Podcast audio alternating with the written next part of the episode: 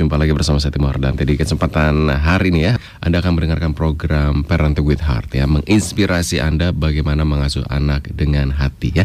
Yang pasti kita akan membahas seputar permasalahan keluarga Dan khususnya dalam hal mengasuh atau mendidik anak nih Heartliner ya. Mulai dari latar belakang kenapa hal itu bisa terjadi Kemudian penyebabnya apa Dampaknya terhadap keluarga seperti apa Serta pencegahannya. Bagaimana nanti kita akan bahas tuntas di program Parenting with Heart. Dan di Parenting with Heart kerjasama dengan tim dari Yayasan Busur Emas Yaitu sebuah yayasan yang bergerak di bidang training, coaching, dan counseling. Jadi bagian yang membutuhkan tiga tersebut bisa langsung menghubungi Yayasan Busur Emas. Nah kita selalu mengangkat topik yang berbeda. Kali ini kita akan mengangkat topik tentang perilaku bullying nih bercanda atau berbahaya nih Heartliner ya. Sering kali nih ketika khususnya mungkin untuk anak anak-anak kita nih atau adik-adik kita yang masih dalam usia sekolah gitu ya, sering banget bercanda uh, dengan teman-temannya di kelas. Mereka mereka mungkin berpikir wah itu bercanda, tapi ternyata itu bukan bercanda, itu malah sudah masuk ranahnya bullying. Nah, seperti apa sih kita nanti akan bahas tuntas bersama narasumber dari Yayasan Busur Emas. Kalian sudah ada Ibu Kris Hervina Rani Lidewati, Master Psikologi, psikolog yang telah tiba di studio Heartline yang akan membagikan atau membahas tentang program ini. Sekarang kita uh, sapa yuk Bu Kris Hervina Rani Lidewati. Apa kabar Bu? Luar biasa. Luar biasa. Hari ini kita akan uh, membahas tentang perilaku bullying, bercanda atau berbahaya nih. Wah, kenapa sampai akhirnya diangkat topik ini dulu? Iya, jadi um, masih banyak sebenarnya stigma atau paradigmanya ketika anak-anak gitu ya um, ngusilin temennya misalnya itu yang paling sederhana. Ya bercanda kok mm -hmm. gitu ya ngusilinnya tapi narik kursi misalnya. Di temennya mau duduk mm. narik kursi. Nah itu kan juga kira-kira bercanda atau berbahaya tuh? Uh, tergantung hasilnya sih. Iya.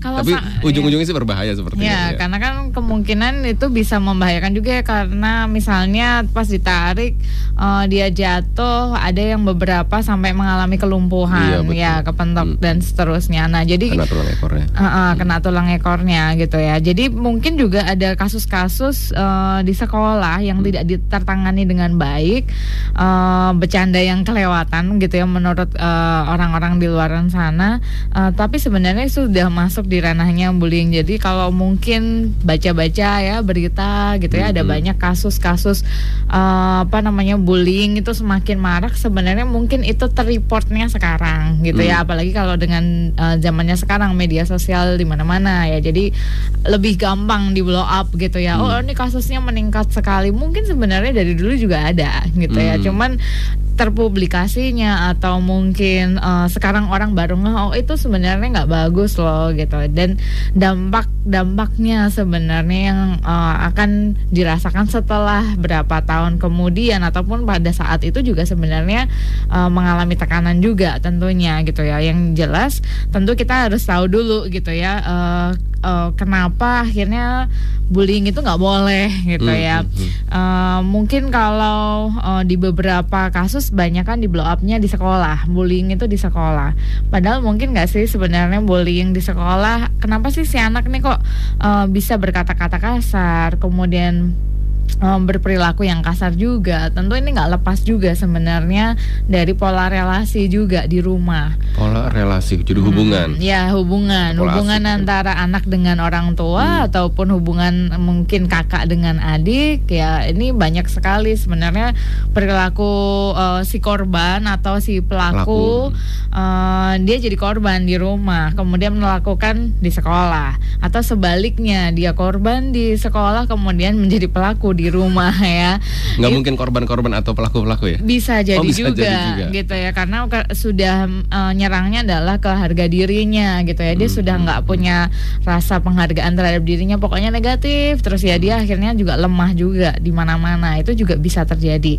Jadi uh, sangat memungkinkan sekali ini kan kayak lingkaran setan juga. Hmm. Uh, kalau misalnya si korban ini kan ada beberapa uh, oknum sebenarnya kalau di perilaku bullying gitu ya. Jadi bullying bullying ini konteksnya sangat luas sekali. Bisa mungkin di sekolah, bisa di rumah, bisa juga di tempat kerja. Jadi, ya. jadi di mana pun tempatnya. Iya, gitu ya? di mana pun Hmm. tempatnya Bisa yang terjadi. Bisa Hmm. terjadi.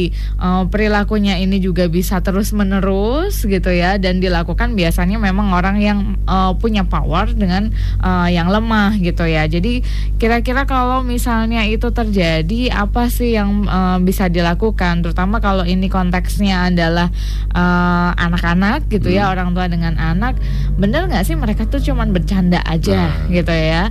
Eh, sebenarnya pertengkaran-pertengkaran yang kecil itu tuh karena apa ya? Bener nggak cuman eh, cari perhatian doang Hmm. misalnya, atau sebenarnya itu punya dampak yang lebih eh, membahayakan ya dibandingkan yang kita pikirkan Hmm. sebenarnya. Jadi eh, ketika misalnya mungkin juga para guru juga yang lagi dengar, bener nggak ya murid-muridnya itu cuman bener-bener just iseng doang Hmm, gitu loh. bercanda gitu. Uh, uh, tanpa bermaksud apa pun karena beberapa kasus dulu waktu jadi konselor sekolah yang bercanda ini bisa membahayakan baik nyawa gitu ya secara fisik iya gitu ya Uh, secara yang lain juga iya gitu ya jadi uh, mungkin kita perlu buat uh, bahas itu lebih lanjut tentunya gitu ya jadi kira-kira uh, mungkin pemahamannya sama dulu nggak gitu Hmm, ya jadi- bullying bullying itu apa sih gitu Bercanda ya itu apa, Iya. bullying itu apa. Jadi harus dibedakan dulu ya. Iya, Mungkin ada ciri-cirinya nih seperti Hmm. apa. Ya.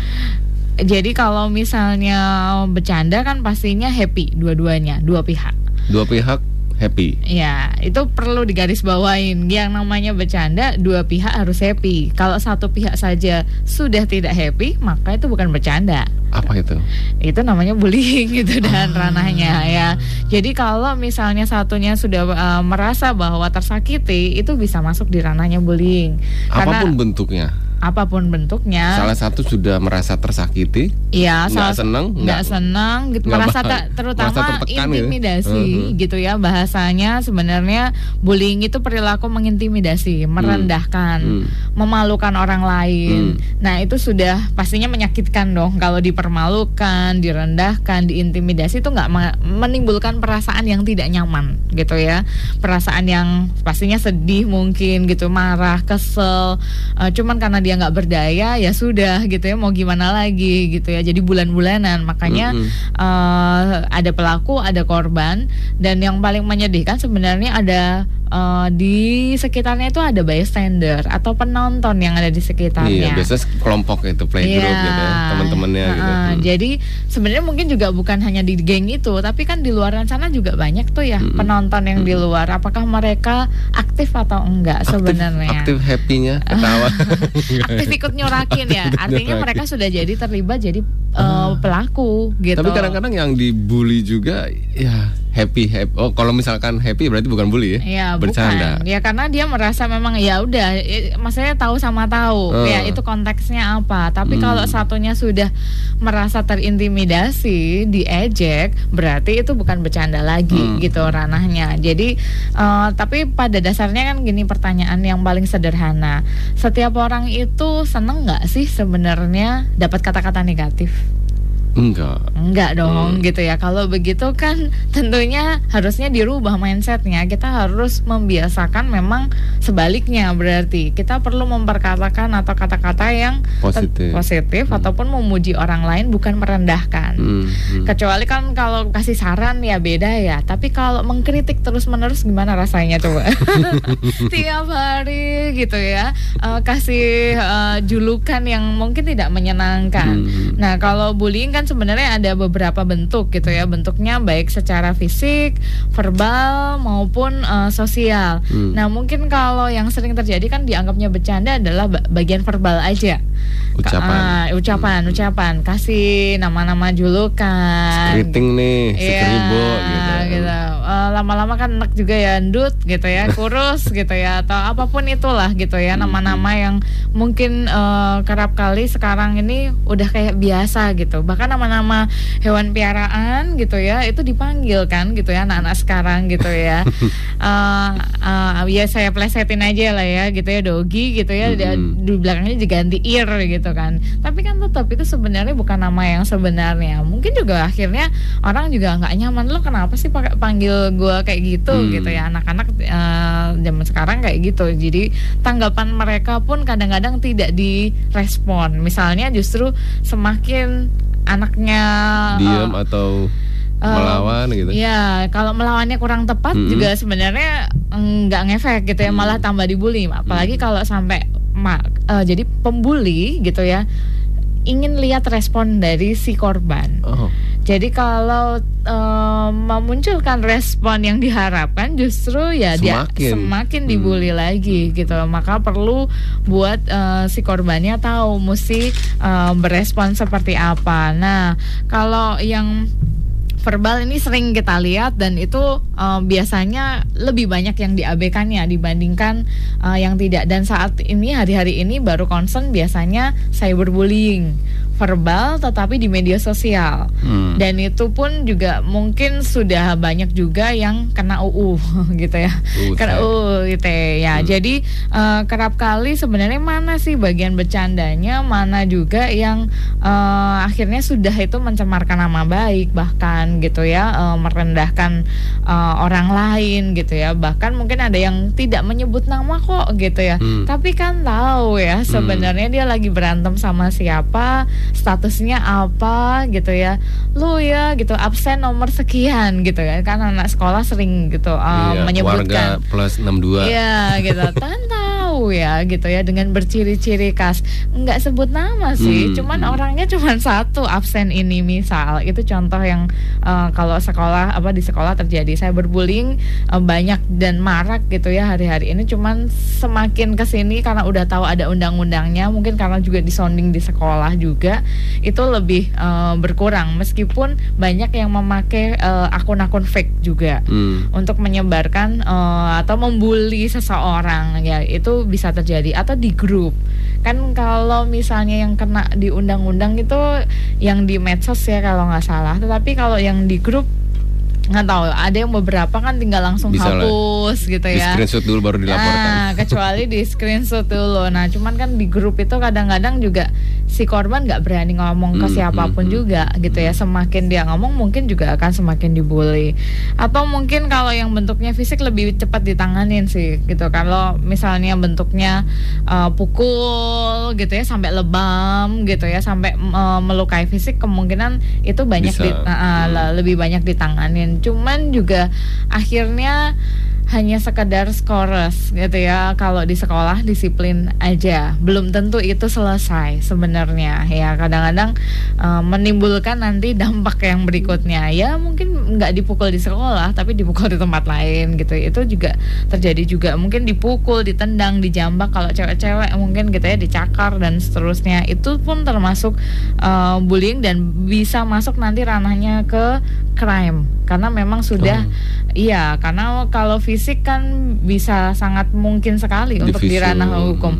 Dan sekedar info bahwa bullying ini juga perilaku yang dilindungi oleh negara. Jadi bisa dilaporkan eh, ke ranahnya hukum Oh. gitu ya. Jadi sudah ada undang-undangnya. Hmm. Jadi perilaku merendahkan, mengintimidasi, bahkan yang berpeloncoan untuk mos eh, di sekolah-sekolah itu pun sudah ada eh, apa namanya ranah hukumnya juga Hmm, ada. hmm, hmm. Jadi artinya bullying bukan bercandaan aja. Dan bullying itu bukan sesuatu yang ya nggak apa-apa. Nah anak kan namanya iseng gitu ya orang tua ngelihatnya no karena itu punya dampak gitu ya. Jadi eh, habis ini kita bahas dampaknya gitu ya. Nah satu jenis lagi yang ini kadang-kadang diabaikan tetapi ini juga memberi dampak yang cukup tuh? signifikan bullying secara sosial jadi mengisolir eh, nggak ber nggak mau Iya. ya nggak berteman ah gitu kan Iya. udah jangan temenin gitu Iya, nah sebarin gosip dari yang Hmm, verbal hmm, tadi biasanya udah nggak usah temenan gitu ya. Ini banyak kasus kalau di Hmm. SD ataupun di SMP anak-anak perempuan eh eh dia kutuan Hmm. misalnya. Itu ternyata bukan hanya zaman dulu gitu ya. Ternyata hari-hari ini saya juga dengar zaman sekarang anak-anak TK SD itu masih ada gitu ya Hmm. dapat report eh, teman saya gitu ya yang punya anak-anak masih ada gitu ya. Emang masih ada kutu uh, kutu ya gitu ya? Saya Padahal juga bingung ada. gitu ya. Padahal nggak ada juga. Kok mereka Nah. dapat ya? Hmm, maksudnya kata-kata itu dapat dari Hmm, mana nah, sih itu gitu ya? Eh, ini anak eh, anak ini misalnya anak dekil gitu ya. Ya nggak dekil juga. Orang mungkin asalnya suku tertentu gitu ya. Ya memang kulitnya seperti itu. Karena kulit yang berbeda maka dibully misalnya. Itu cukup eh, banyak juga sih rasis entah eh, mungkin tinggi badan itu jadi masalah berat badan jadi masalah nilai juga jadi masalah ya semuanya orang bisa komentar apa pun Mm-mm, itu mm-mm. gitu nah eh, kira-kira kenapa akhirnya kita bahas itu ya pastinya nanti habis ini kita bahas dampaknya Iya, dampaknya terhadap bullying itu seperti apa dan kenapa sampai akhirnya ada seorang anak yang selalu suka membuli temannya Mhm. dan kenapa juga ada seorang anak yang selalu dibully sama temannya. Sudah ada yang masuk ini Ibu Kris. Saya punya seorang putri usia 8 tahun ya. Kenapa ya sering kali dibully? Kadang pulang sekolah suka cerita Tadi diejek sama temannya, padahal nilai ulangannya lebih tinggi dibanding yang membuli. Jadi anak saya dibandingkan dengan yang lebih tinggi lagi nilainya. Nah, kadang di rumah juga suka dibully dengan teman-temannya, katanya jangan ditemenin. Nih, apa sih penyebab anak saya suka dibully dan bagaimana cara penanganannya agar anak saya tidak dibully dari Ibu Ayu di Cimone? Oke, kalau mau eh, kalau saya tahu eh, apa ha- untuk tahu penyebabnya untuk case by case berarti saya harus nanya ke anaknya juga ya. Hmm. Maksudnya mungkin ada eh, permasalahan apa sebelumnya. Kadang-kadang kan bisa ya Hmm. Gara-gara eh, bisa macam-macam. Misalnya kalau tadi ini eh, akademis gitu ya, Hmm. kemungkinan yang ngejek itu iri bisa jadi gitu ya. Jadi Padahal yang ngejek nilainya lebih rendah justru kan lebih jelek makanya dia eh, dan dia dibandingkan dengan nilai yang, yang lebih, lebih tinggi gitu ya karena dia nggak bisa ngejar dia gitu kan Hmm. itu bisa terjadi Ah, ataupun misalnya nggak tahu ini tadi kelas berapa sorry umur 8 mungkin. Umur 8 kelas 1 tiga. 2 atau Ti- tiga? iya, kelas mungkin tiga sekitar ya. gitu. ya masih ke- kecil ya udah udah kayak gitu ya. Oke jadi ke kalau misalnya bisa aja iri hati bisa. Sebenarnya orang-orang pelaku bullying ini belum tentu eh, jangan bayangin power itu berarti dia memang berkuasa enggak kadang-kadang menutupi kelemahannya dia Hmm. dengan melakukan tindakan intimidasi atau Hmm. bullying ke orang lain itu sangat mungkin terjadi. Nah, tergantung respon dari si anak. Kalau misalnya ini bicara karena sudah terjadi, Hmm. artinya eh, anaknya ibu berarti perlu untuk berespon. Nah, Nah, beresponnya adalah bukan untuk menanggapin langsung eh, nggak tahu tanggapannya si anaknya apa, apakah mungkin menghindar atau kemudian memunculkan respon yang akhirnya dilakukan bullying terus gitu ya. Jadi ada beberapa orang kan eh, berasa kalau melawan itu selalu menyelesaikan masalah. Belum tentu. Lihat-lihat lawan pembulinya Hmm, seperti hmm, apa.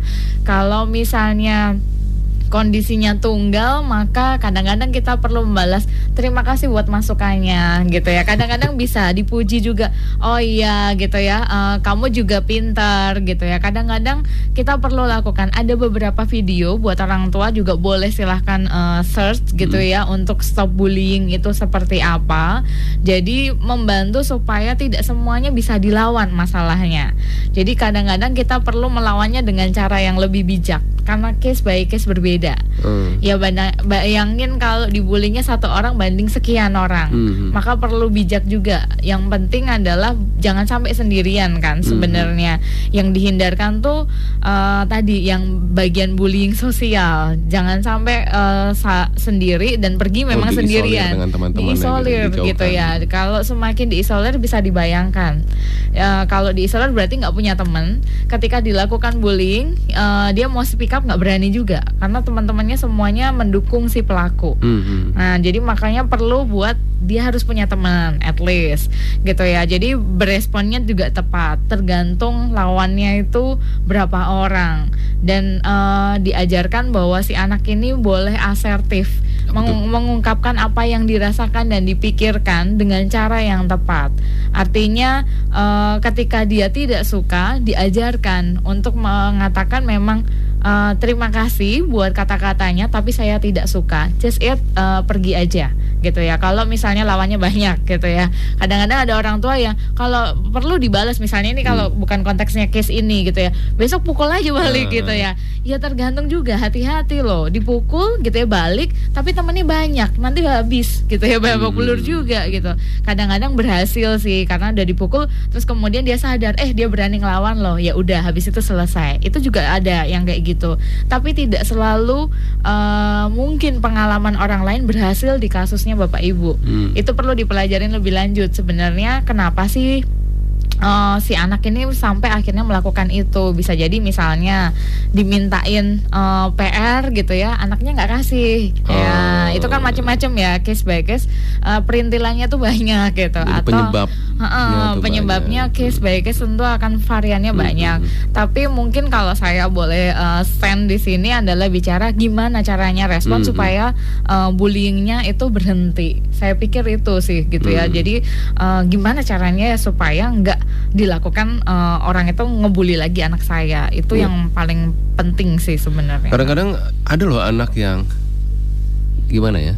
Kayak sering banget dibully gitu ya. Ada seseorang yang kayaknya kita bahagia gitu.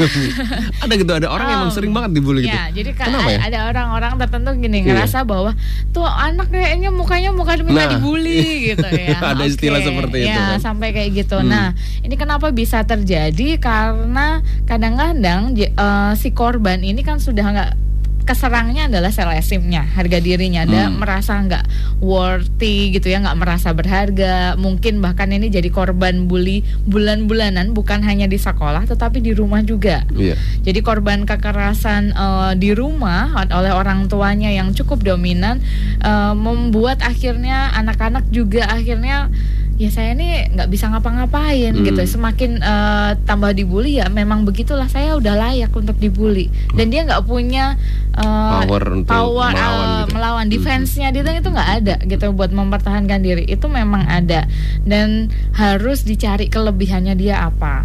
Eh, jadi kalau misalnya dia merasa bahwa dia punya eh, berharganya saya itu apa, maka itu akan membangun konsep dirinya lebih baik positif. Hmm. Kenapa akhirnya orang berpikir bahwa saya tidak layak dicintai, saya memang layak untuk diejek, saya layak untuk eh, apa misalnya dipukul bahkan di apa sentuh kepalanya, eh lo bego lah gitu ya. Hmm. Itu kerap kan kalau di sekolah atau apa, karena dia merasa dia kok nggak ngelawan sih gitu ya. Sebenarnya Nah. kan bisa aja ya lo ngomong apa gitu, speak up apa, tapi tidak dilakukan karena dia memang dari dalamnya udah keserangnya ke konsep dirinya. Saya memang buruk gitu, maka perlu buat di encourage. Biasanya orang tua temukan nih eh, kira-kira dia bisa ngapain sih, punya kelebihan apa, eh, sehingga itu membuat dia lebih berharga. Hmm. At least bangun rasa percaya dirinya dulu, karena itu akan membantu buat dia berani berdiri di depan orang lain. Karena salah satunya gitu ya, biasanya korban bullying kemudian bisa eh, tetap tangguh gitu ya, resilient lah gitu ya, bounce back gitu ya, bangun balik lagi adalah ketika dia tahu saya punya kelebihan ini, lalu bisa bergaul lagi sama teman-temannya. Itu it's fine gitu. Jadi jangan sampai akhirnya narik diri nggak punya teman, semakin tambah dibully itu karena merasa memang nggak layak untuk dicintai dan itu memang butuh proses buat korban-korban eh, bullying karena ini salah satunya dampaknya sebenarnya yang saya sebutin. Dampak secara psikologisnya adalah merasa memang tidak diharapkan tidak dihargain. Harga dirinya itu benar-benar Sudah di sudah hancur lah gitu ya. Udah rendah banget Hmm. gitu ya. Saya merasa memang eh, nggak nggak berharga buat apa sih saya hidup? Bahkan sampai ada yang depresi uh, time uh, suicide gitu ya mencoba untuk bunuh Bunuh diri berpikir untuk mengakhiri hidupnya. Bahkan sampai ada yang bunuh diri juga karena dibully sama teman-temannya. Yang kasus yang kemarin-kemarin artis Korea ini Iya, Termasuk ya? ya salah satunya Hmm. netizen yang terhormat ya, tolong hamba hati-hati gitu ya apa yang anda katakan. Kadang-kadang itu menghancurkan harga diri Iya, padahal seseorang. kita yang mengatakan biasa aja gitu, tapi ternyata Iya. dampaknya terhadap Iya. yang dibully itu. Hmm, kan tergantung juga kepribadian Hmm, seseorang hmm, juga kan menanggapi bahwa kata-kata positif aja bisa negatif Hmm. gitu ya, Nah, apalagi yang negatif gitu ya tambah mungkin negatif buat dia. Jadi tergantung persepsi diri. Nah makanya sebenarnya seka- sekaligus saya pesan kalau terjadi kekerasan di rumah tadi saya sebutkan salah satu dampaknya gitu ya adalah membuat si anak ini nggak merasa berharga dan itu bisa jadi korban bulan-bulanan juga di luaran sana. Maka perlu buat berhati-hati stop bullying di rumah supaya tidak terjadi juga bullying di luaran sana. Karena kadang uh, sumbernya itu dari rumah gitu. Oh. Jadi uh, saya nanganin nih kalau di sekolah-sekolah biasanya ini anak kenapa sih senang banget? Kata-katanya kasar banget. Um, ngelawan guru mungkin gitu ya atau berani sekali sama satpam dan seterusnya. Uh, ternyata ditelusurin ya dia ngelihat contohnya siapa gitu ya. Contohnya yang di rumah. Di rumah tuh siapa? Papa mamanya memperlakukan pegawainya mungkin gitu ya. Ataupun uh, berkata-kata kasar juga sama orang-orang di sekitar. Anaknya niru. Nggak hmm. ada yang ngajarin sih gitu. Orang tua juga tidak bermaksud kan buat hmm. Ngajarkan tapi yang anda katakan yang anda uh, yang anda katakan tuh diikutin tuh cuma sekian persen. Sementara yang anda lakukan itu yang dilihat yang diobserv yang akhirnya nanti akan ditiru sama si anak-anak. Itu sangat uh, mempengaruhi sekali. Jadi banyak faktor sebenarnya kenapa uh, akhirnya si anak ini dibully tadi kalau pertanyaannya uh, mungkin perlu buat uh, nanti habis ini ya diajarin sebenarnya supaya stand itu gimana. Ada yang beberapa sekolah sudah sebarin itu. Mesti stop dari diri sendiri karena bullying itu kayak lingkaran setan. Pelaku bisa jadi korban, korban bisa jadi pelaku oh. gitu. Karena ketika misalnya guru akhirnya belain si korban, terus teman-temannya akhirnya iya tuh salah tuh nah, dia jahat. Nah, jadi dibully. Si pelaku jadi korban juga -hmm. gitu. Jadi perlu buat berhikmat juga buat uh, stop bullying ini benar-benar memang dihentikan dan memang ada hmm. konsekuensi. Bullying ini bisa dihentikan ketika sistemnya benar. Ya baik sistem di sekolah maupun sistem relasinya di rumah juga benar gitu ya karena memang ya tadi saya bilang korban bisa jadi pelaku, pelaku jadi korban ataupun bystander ini sebenarnya berperan sangat uh, krusial sebenarnya ketika terjadinya bullying. Kan hmm. bisa aja ya sebenarnya para penonton ini bisa memisahkan, hmm. bisa menghentikan, tapi mereka diem aja, pasif. Hmm. Maka perlu diajarin, mesti ngapain sih kalian oh. kalau ngelihat apa yang mesti kalian lakukan? Apakah sorak-sorak gitu kan? Coba bayangin kalau kalian jadi uh, korbannya. Hmm Mm-hmm. Kira-kira apa yang dirasakan kan pengen dibela ya mm-hmm. sebenarnya. Mm-hmm. Tapi apa yang terjadi kebanyakan di Indonesia ada orang dicopet juga diliatin doang. Mm. Ya karena memang nggak berani misalnya. Ya satu orang akhirnya berani bicara misalnya ayo oh dihajar dong semuanya rame-rame dihajar. Uh, menurut saya perlu buat kita punya konformitas yang baik. Mm. Artinya mm. ketika perilaku itu tidak benar maka harus dihentikan. Harus dihentikan. Ya stop, speak up. Ya itu perlu buat stand up ya yang 3S biasanya yeah. didengungkan uh, buat kampanye stop bullying ya dimulai stop dulu kalau ada yang kayak gitu harus dihentikan bukan ditambah disorakin gitu ya atau kita cuma diem aja hmm. pura-pura nggak -pura lihat itu kan nggak benar juga hmm, hmm, hmm. kalau di sekolah biasanya di encourage ya you mesti lapor ke guru piketnya misalnya dan guru piketnya harus bertindak dengan bijaksana. baik ya bijaksana juga supaya tidak tadi pindah pindah posisi jadi korban Iya, dan ataupun sebenarnya tidak ditanggapin dengan serius. Itu banyak korban yang akhirnya semakin parah uh, dapat kasusnya. Oh, dia dibulinya dari SD. Ketemu saya sama sayanya udah SMP misalnya atau sudah wow. kuliah. Itu bisa kan berkelanjutan seperti itu. Sangat mungkin sekali dan itu banyak kasusnya. Ya, jadi misalnya pernah pup di celana dulu kelas 2 SD, hmm. bayangin. Dan dibulinya terus-menerus sampai SMP. Bisa kebayang? Sampai remaja loh. Candy gue imagine tiap hari kena lo jorok ya gitu ya. Uh, atau misalnya anak ingusan terus saja dan yang terjadi sama si anak ini salah satunya ya saya kasusnya ini beneran tapi untung udah uh, kebangun lagi ya terencourage ya dia ngerasa dia masih anak ingusan beneran. Dan memang dia punya masalah secara fisik memang uh, kontrol dirinya waktu itu memang belum bagus untuk toilet trainingnya belum beres. Ya kan itu kelemahan secara fisik. Maka perlu buat di uh, training supaya toilet trainingnya beres sudah beres pun belum bangun lagi nih rasa gitu. percaya rasa percaya dirinya hmm. gitu. Ngerasa bahwa saya memang masih anak-anak dan seterusnya. Nggak bisa kamu udah SMP gitu ya. Laki-laki bola kebayangkan gitu. Kalau sudah remaja kan padahal uh, tahapannya buat memang firm saya tahu siapa saya. Hmm. nah gitu ya tentang identitas dan seterusnya. Jadi uh, banyak kasus yang seperti itu. Dari SD uh, dampaknya sampai ke SMP, SMA bahkan ke bawah sampai kuliah. Jadi kalau sekarang saya ngajar di ranahnya mahasiswa, mereka banyak cerita tuh. Saya dulu pernah loh gitu ya. Terus uh, gimana caranya untuk bangun? Sejujurnya sampai sekarang masih ada yang keingat.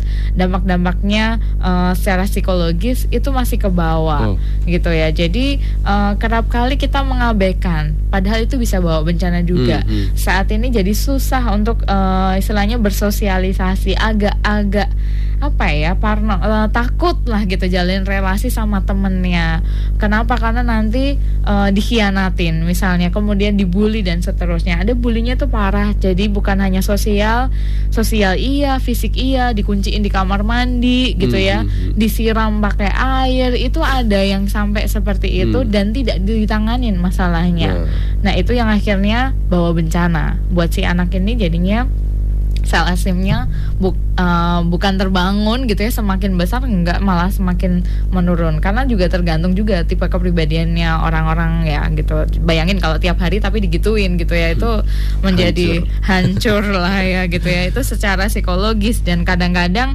akhirnya si anak juga secara emosi juga nggak stabil juga ya. Ini secara psikologis. Uh, mungkin kalau tadi saya sudah sebut, sebutkan juga sekaligus dampaknya sosial atau relasi kebayang nggak sih kalau dijauhin terus? Ya iya. lama-lama uh, nggak punya teman nggak punya teman keterampilan sosialnya juga kurang terlatih. Kadang-kadang itu yang tadi dibilang kita awal uh, kenapa sih nih ada anak kayak yang kayaknya enak banget dibully, dibully gitu. ya karena nggak punya teman nggak ada yang belain juga hmm. terus merasa bahwa semua orang akhirnya bersepakat uh, dengan si pelaku dia memang layak untuk dibully hmm. karena memang uh, kayak nggak ada defense-nya sama sekali gitu ya nih anak pasrah banget ya udah lo mau ngomong apa terserah gitu uh, maka sebenarnya perlu diperhatikan juga dampaknya dia akhirnya berpengaruh juga ke prestasi. Biasanya kalau di sekolah itu saya pesan sama uh, beberapa korban pelaku uh, sorry korban ataupun bystander. Nah kalau korban gitu, uh, kamu harus punya satu lah, at least uh, yang bisa membuat orang menghargai kamu harus ditemuin. Nah saya biasanya akan bantu uh, menemukan apa yang menjadi minatnya dia, kelebihannya dia, supaya tidak semua muanya akhirnya dijauhin. Itu paling sederhana ada korban bullying dulu itu di SMP juga uh, dijauhin sama teman-temannya tapi karena dia punya kelebihan mau nggak mau temannya bakalan uh, meminta tolong kepada dia maka uh, itu akan membangun akhirnya ada teman-temannya yang hmm, barengan hmm, hmm. minatnya yang sama misalnya itu akan uh, membantu sekali jadi kalau nggak punya apa-apa lagi bayangin dong uh, dia sudah rendah diri terus dia hmm. akhirnya minder hmm. uh, prestasinya juga buruk semakin ada bahan bully. Jadi kalau dia punya kelebihan satu, ya itu akan jadi andalannya dia. Lumayan kan daripada nggak ada, ya dibangun. Misalnya bisa ngapain? Oh musik, oh jago misalnya. Hmm. Atau di bidang uh, sport, oke. Okay. Atau at least dia punya kelebihan ngapain? Oh tangannya terampil sekali, bikin prakarya tertentu. Atau di pelajaran tertentu dia yang paling jago. Oke, okay, yang lainnya nggak bisa bahasa Inggris tapi dia jago banget. Hmm. Atau misalnya yang lainnya kurang biasa aja, tapi kalau giliran nyelesain uh, fisika oke okay, gitu. Ya nggak apa-apa kan setiap orang pasti punya kelebihan kelemahannya. Jadi harus ada minimal satu minat interestnya dia yang kemungkinan akan ada banyak teman-temannya juga. Hmm. nah kalau misalnya bisa main musik itu lebih gampang ya. Hmm. biasanya anak-anak juga dilesin kan musik nanti dia akan punya komunitas soalnya. Kalau punya komunitas berarti masih punya teman. Iya. Nah, Jadi komunitasnya lagi ternyata dia dibully lagi. Oh ya, enggak ya? Enggak lah. gitu ya. Kalau biasanya punya minat yang sama, kemungkinan mereka akan lebih mudah hmm. buat sharing ataupun punya uh, istilahnya bisa lebih gampang untuk bersosialisasi. Hmm. Uh, yuk kita main bareng-bareng misalnya itu akan lebih mudah sih. Contoh misalnya kalau punya hobinya sport itu akan hmm. lebih gampang. Hmm. Kenapa? Karena grouping kan kalau misalnya buat anak-anak uh, main futsal kan nggak mungkin sendirian ya bareng-bareng juga gitu ya. Atau main basket juga bareng-bareng juga. Artinya mereka at least masih bisa jalin relasi jalin komunikasi dengan teman-temannya. Saya pikir uh, itu yang untuk relasi. Kalau fisik mau nggak mau ke dokter ya. Tapi saya pesan bahwa dampaknya dari bullying ini bukan hanya jangan yang dilihat dari luar masalahnya. Kesehatan fisik uh, itu bisa disembuhin Terlihat, cepat mm-mm. ya gitu. Tapi kesehatan mental itu butuh proses yang yang cukup uh, lama juga. Maka perlu juga untuk diperhatikan. Oke, lebamnya udah selesai, tapi Lebam uh, hati dalam hatinya. nggak ada yang tahu itu masalahnya yang perlu Baik. buat di, uh, diproses untuk lebih di healing. Dan kita masih membahas tentang eh, perilaku bullying bercanda atau berbahaya. Kalau tadi Ibu Kris sudah menerangkan betapa dampak akibat bullying itu sangat wah, sangat luar biasa ya. Sangat menyakitkan. Sangat menyakitkan bahkan bisa sampai Hmm. bunuh diri gitu Iya, itu ya. sampai bisa bunuh Dan diri. siapa pun depresi. bisa jadi korban bullying dan bisa jadi pelaku juga. Penonton bisa jadi pelaku, eh, korban bisa jadi pelaku, pelaku bisa jadi korban gitu ya. Ya, dan itu memang benar-benar kayak lingkaran Hmm. uh, lingkaran setan gitu ya. Jadi bisa bolak-balik begitu Hmm, ya. Uh, tadinya jadi uh, korban di rumah, jadi pelaku di sekolah Hmm. atau pelaku uh, di rumah kemudian jadi korban di sekolah. Itu sangat mungkin sekali. Hmm. Jadi um, ini perlu buat awarenessnya orang tua gitu ya. Jadi Bagi orang tua seperti apa nih yang harus Ya, dilakukan nih? Jadi minimal yang satu, Hmm. salah satu adalah tugas terberatnya buat orang tua adalah Banyak ya PR orang tua. iya, makanya ini eh, orang tua adalah pekerjaan juga sebenarnya ya. Jadi role model yang baik juga buat anak-anaknya. Hmm. Artinya role model itu kan eh, yang pantas untuk ditiru dan diikuti gitu ya. Jadi baik dari perkataan ataupun perilakunya. Ini PR yang terbesar karena kadang-kadang kan kita nggak sadar juga. Hmm. Yang beberapa kasus yang eh, saya tanganin adalah eh, anak-anak kan nirunya atau yang dilihat kan sebenarnya bukan ke anak bisa jadi. Tapi ada juga yang ke anak juga ada perilakunya orang tua ke anak kemudian anak memperlakukan temannya seperti itu.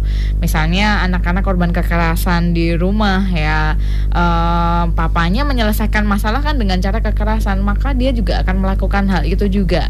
Itu sudah ada risetnya juga penelitiannya bahwa korban kekerasan eh, di rumah eh, punya kecenderungan lebih mudah untuk eh, melakukan perilaku-perilaku agresi ataupun perilaku-perilaku beresiko. Jadi penting buat orang tua untuk menjaga eh, perkataannya, perilakunya dan termasuk eh, tontonan di rumah gitu ya, baik televisi misalnya ataupun Hmm. sekarang YouTube, internet. Kadang-kadang secara tidak sadar eh, orang tua membiarkan ataupun juga eh, misalnya orang tua nganggap nggak apa-apa anak-anak belum ngerti. Contoh yang paling sederhana nonton film. Filmnya mengandung kekerasan. Si anaknya diajak. Anaknya padahal usianya belum 17 karena ada ya sebenarnya batas usianya. Tapi dibiarkan. Padahal filmnya mengandung Kekerasan. kekerasan gitu. Itu sangat eh, miris sih di Indonesia. Nggak apa-apa lah kan belum terlalu ngerti juga. Atau kita sembari kasih tahu Iya, seberapa jauh sih Anda yakin ketika misalnya nonton bimbingan orang tua kan harus ada ya gitu ya. Sejauh mana cuman satu kata dua kata tapi kan yang terekam eh, banyak sekali ya. Eh, misalnya perilaku-perilaku eh, kekerasan ataupun tadi misalnya kenapa sih anak-anak kok bisa ngejulit bahasanya anak-anak gitu ya ngegibah ya eh, ngomongin teman-temannya sampai akhirnya temannya nggak punya temen gitu ya difitnah dan seterusnya karena tontonannya ikut-ikutan si mbaknya Hmm. sinetron lah gitu ya ataupun eh, film-film ataupun eh, konten-konten di media sosial yang sebenarnya tidak pantas untuk ditonton Hmm. itu perlu mungkin untuk juga diperhatikan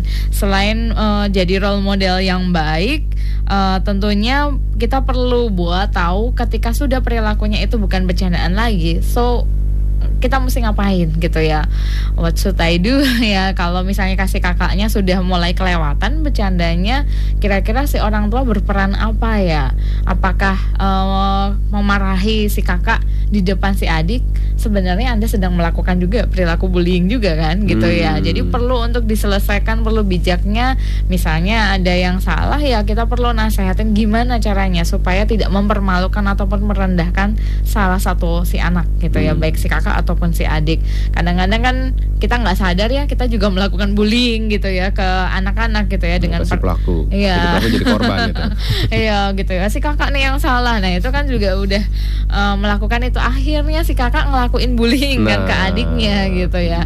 Ataupun si adiknya juga sama. Nah kan udah jadi pelaku nih barengan sama mama gitu ya. Tuh kan kakak sih gitu ya. Nah lo ya Jadi bener-bener lingkaran ya. Iya terus saja gitu. Makanya mungkin perlu disadarin dulu bahwa Hmm. ada cara kok yang lebih baik ketika menyelesaikan masalah. Misalnya mungkin perlu ngomong kalaupun marahin si kakak jangan di depan si adik gitu ya. Ngomong aja baik-baik eh, antara satu eh, satu orang dengan orang gitu ya face to face bukan di depan umum. Karena kadang-kadang eh, yang terjadi adalah mem- tambah merendahkan kan gitu ya sebenarnya harga diri orang lain. Eh, nah kalau misalnya bicara soal tadi supaya mencegah jangan ja- jangan sampai jadi anak kita jadi korban bullying adalah salah satunya lagi dorong anak punya komunitas ataupun temuin eh, kelebihannya itu akan membantu sekali dia melatih keterampilan sosialnya sebenarnya. Dengan punya komunitas misalnya art atau musik atau misalnya sport eh, ataupun apa pun lah kelebihannya math kah atau fisika bahasa Inggris ataupun yang lain-lainnya gitu. Kalaupun dia punya komunitas at least punya temen.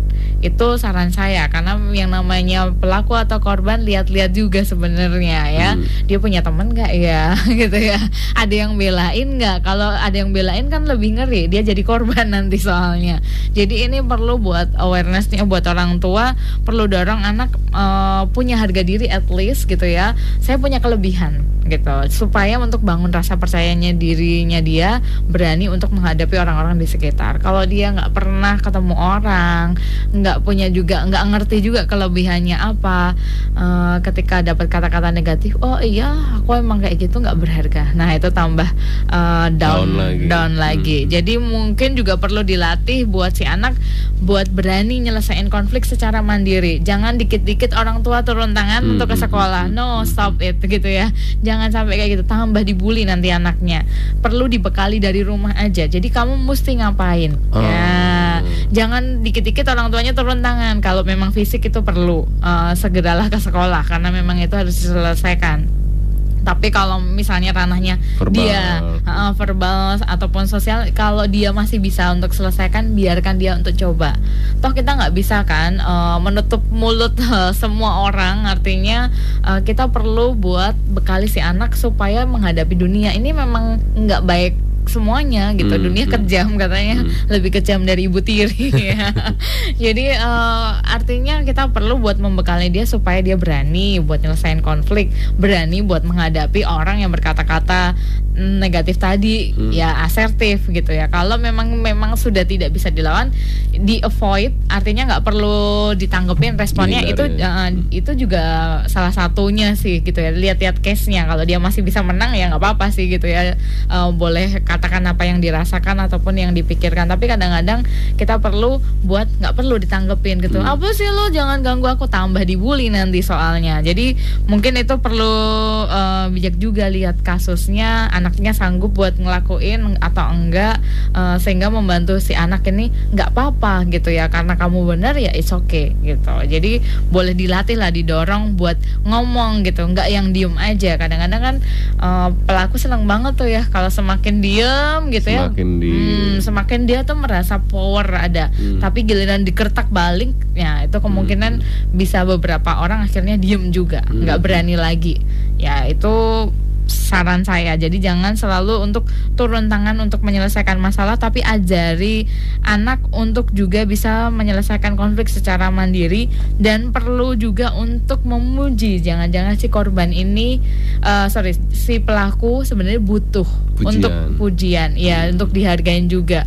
Eh, videonya lucu-lucu jadi mungkin boleh Oh, eh, lihat. di- iya ada di YouTube ataupun eh, di media sosial gitu ya untuk yang preventing bullying.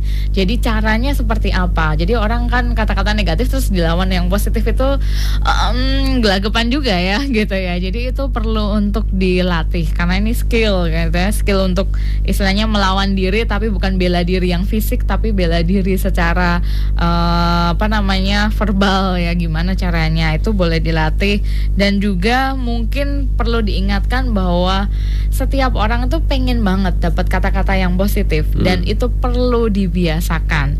Jadi dorong anak untuk tetap memiliki kebiasaan yang sehat bahwa bullying itu tidak baik. Eh, mungkin anak anda bukan jadi korban atau pelaku, tapi jadi penonton. Ya itu kan penonton lebih banyak ya sebenarnya. Jadi perlu diingatkan bahwa kalau ada temannya dibully, ya itu bukan hal yang baik dan bukan hal untuk yang dibiarkan atau didiamkan. Hmm. Karena banyak kan bullying tidak selesai-selesai di sekolah karena si penontonnya ya udah diem aja diapain ya daripada nanti saya juga dibully Hmm. gitu ya. Kan kepikirannya kayak gitu. Tapi kan itu sebenarnya nggak baik ya. Jadi perlu untuk eh, di encourage buat anak-anak menjaga kebiasaan yang sehat. Artinya memuji orang mengingatkan eh, teman-temannya kalau itu perilaku nggak bagus ya bisa aja kan ke lapor eh, ke guru gitu ya. Dan berharap itu bisa membantu anak-anak untuk belajar untuk mengungkapkan apa sih yang terjadi apa sih yang eh, dirasakan. Kan itu Hmm. nggak enak ya perlu buat ngajarin perlakukan orang lain seperti kamu ingin diperlakukan gitu. Jadi mungkin itu beberapa hal yang bisa disampaikan dalam waktu yang singkat karena bullying topiknya topik luas ya. Bisa di sekolah, bisa di rumah ya. Bisa jadi pelaku jadi korban korban. Iya, jadi mungkin ada banyak program buat Hmm, preventing bullying. Eh, orang tua juga perlu aware bahwa itu bukan sesuatu yang menyenangkan. Kalau sudah diintimidasi, direndahkan, tentu itu cukup mengganggu sekali. Ya, Hmm. kalau bapak ibu juga diremehin terus, ya apa sih gitu, semut Hmm. aja diinjek gigit gitu ya bahasanya. Artinya eh, kita perlu buat encourage buat anak-anak untuk menjaga kesehatan secara mental. Kalau fisik aja diperhatikan, kesehatan mental juga perlu untuk diperhatikan juga. Baik, terima kasih nih Ibu Kris. Yap. Hari ini lengkap Iya. menunya. Saya Timo Ardante undur diri dari pendengaran Anda. Keep on growing and never give up.